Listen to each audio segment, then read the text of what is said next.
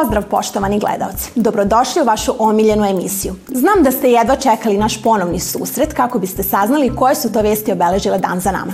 Ja sam Zorana Nikoletić, a evo kako ova sreda izgleda iz našeg ugla. Pitali smo vas kako zamišljate budućnost. Upoznaćete talentovanu odbojkašicu Nikolinu.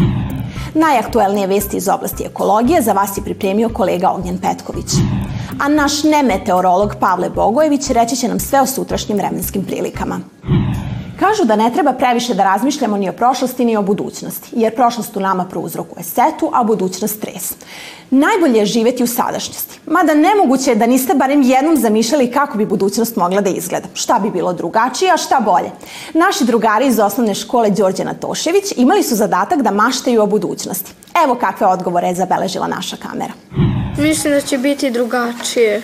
A mislim da će izgledati drugačije u smislu života, odrastanja i svega toga.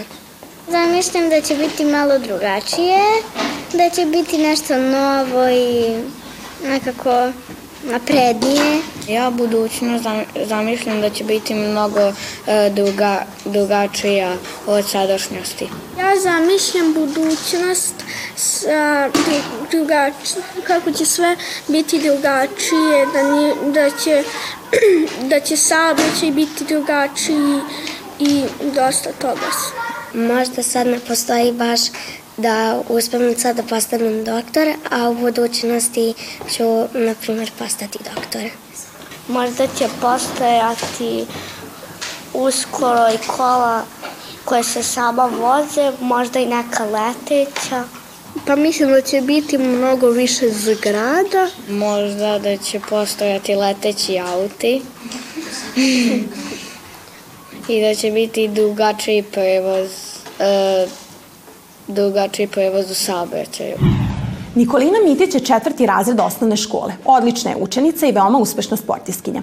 Iako trenira odbojku samo šest meseci, tri puta nedeljno. Nije izostala ni sa jednog treninga. Osvojila je čak tri bronzane medalje na takmičenjima i jednu diplomu. Kaže da mnogo voli da odlazi na treninge jer je svaki zanimljiviji od prethodnog. Mi smo posetili jedan njen trening i porazgovarali sa Nikolinom o njenim uspesima, doživljajima sa takmičenja i planovima za nastavak njene odbojkaške karijere. Detalje vam donosimo u narednoj priči.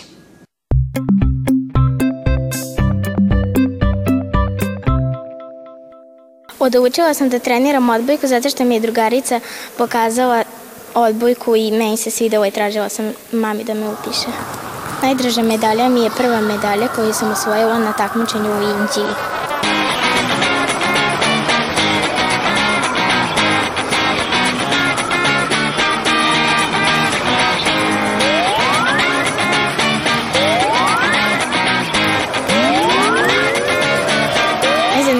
događajem je kad sam bila u Indiji, pobedili smo i išli smo na sladoled.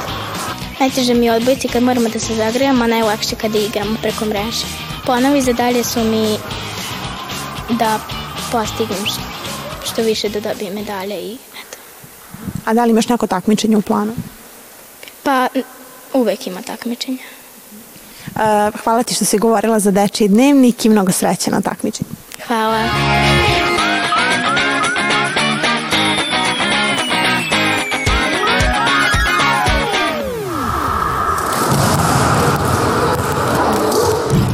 nastavku emisije govorimo o ekologiji. Naš kolega Ognjen Petković je ekspert za ovu oblast. Uvek nas iznenadi različitim informacijama. Zato je vreme da vidimo i čujemo najvažnije vesti iz prve ruke.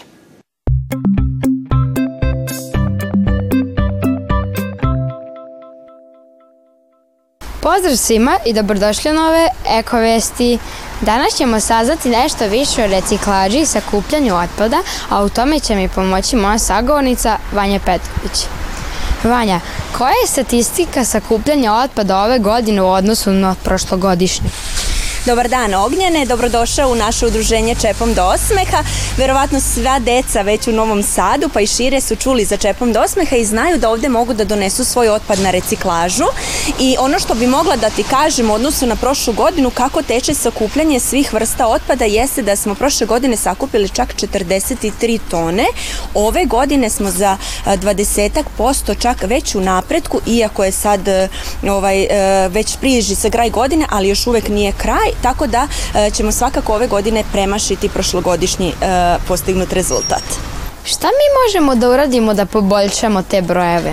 Udruženje Čepom do osmaha je osmislilo aplikaciju Heroj, gde u stvari vi uošte ne morate da dolazite ovde u Čirpanovu 25 u Novom Sadu, nego možete da nađete sva mesta gde možete da odnosite eh, otpad na reciklažu, pa tako da doprinesete da se na svim mestima u Novom Sadu poboljšaju cifre i da se što više eh, otpada odnese. Ono što bih ja mogla da vam kažem jeste onako jedno zanimljivo za vas, da najveća eh, količina otpada koju smo do sada sakupili i vrsta, odnosno otpada je papir, što znači da i od davnih dana ljudi su učili u školama da odvajaju hartiju i papir i da je nose na reciklažu, tako da je to neka vrsta otpada koju mi ovde najviše sakupljamo, naravno pored plastičnih čepova, tako da te pozivam još jednom i tebe i sve tvoje drugare da recikliramo, da sakupljate čepove, jer čep po čep i neče život i tekako postaje lep. Hvala vam Vanja na razgovoru. Drugari, nemojte da čekate. Odlažite otpad, reciklirajte i tako možete pomoći da ovi brojevi budu još veći. To bi bilo to da ovih Eko Vesti. Vidimo se sledeće srede u novim i još boljim. Ćao! Kao što Ognjan zna sve o ekologiji, tako i naš Pavle Bogojević informacije o vremenu drži u malom prstu. Vreme je da saznamo kakve temperature treba da očekujemo sutra. Sledi vremenska prognoza.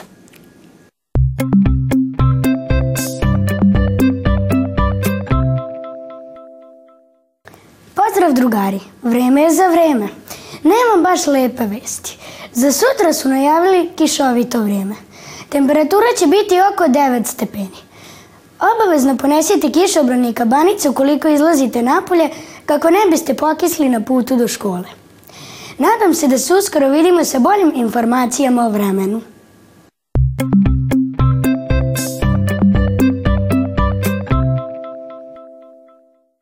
podacima o vremenu završavamo večerašnje druženje uz napomenu da i sutra budete sa nama u našem standardnom terminu, kada smo za vas pripremili još bolje vesti iz Dečijeg sveta. Mislim da ne treba da vas podsjećam koliko je važno da budemo informisani. Sigurna sam da to već i sami znate, zato ću vam samo reći vidimo se sutra. Doviđenja!